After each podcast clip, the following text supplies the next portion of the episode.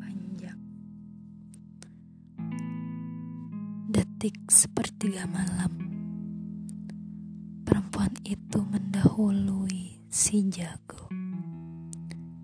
Saat yang lain terlelap, sibuk dengan bunga tidur, perempuan itu tidak tidak tidur.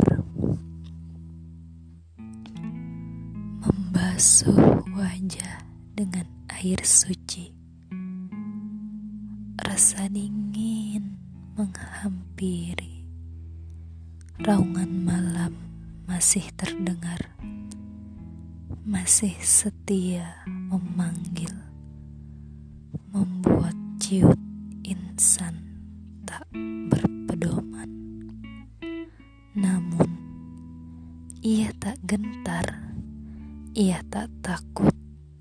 Tetap tenang dalam garis lurus, tenang dalam lingkungan sujud, khusyuk dalam bacaan sholat di atas sajadah panjang yang hampir usang.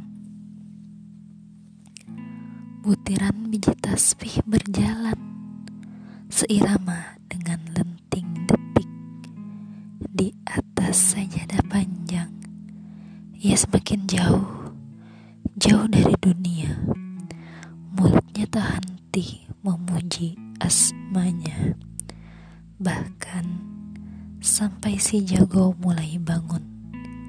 Tangannya masih menada memohon ampunannya.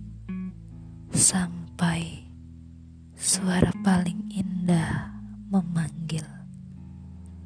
September 2016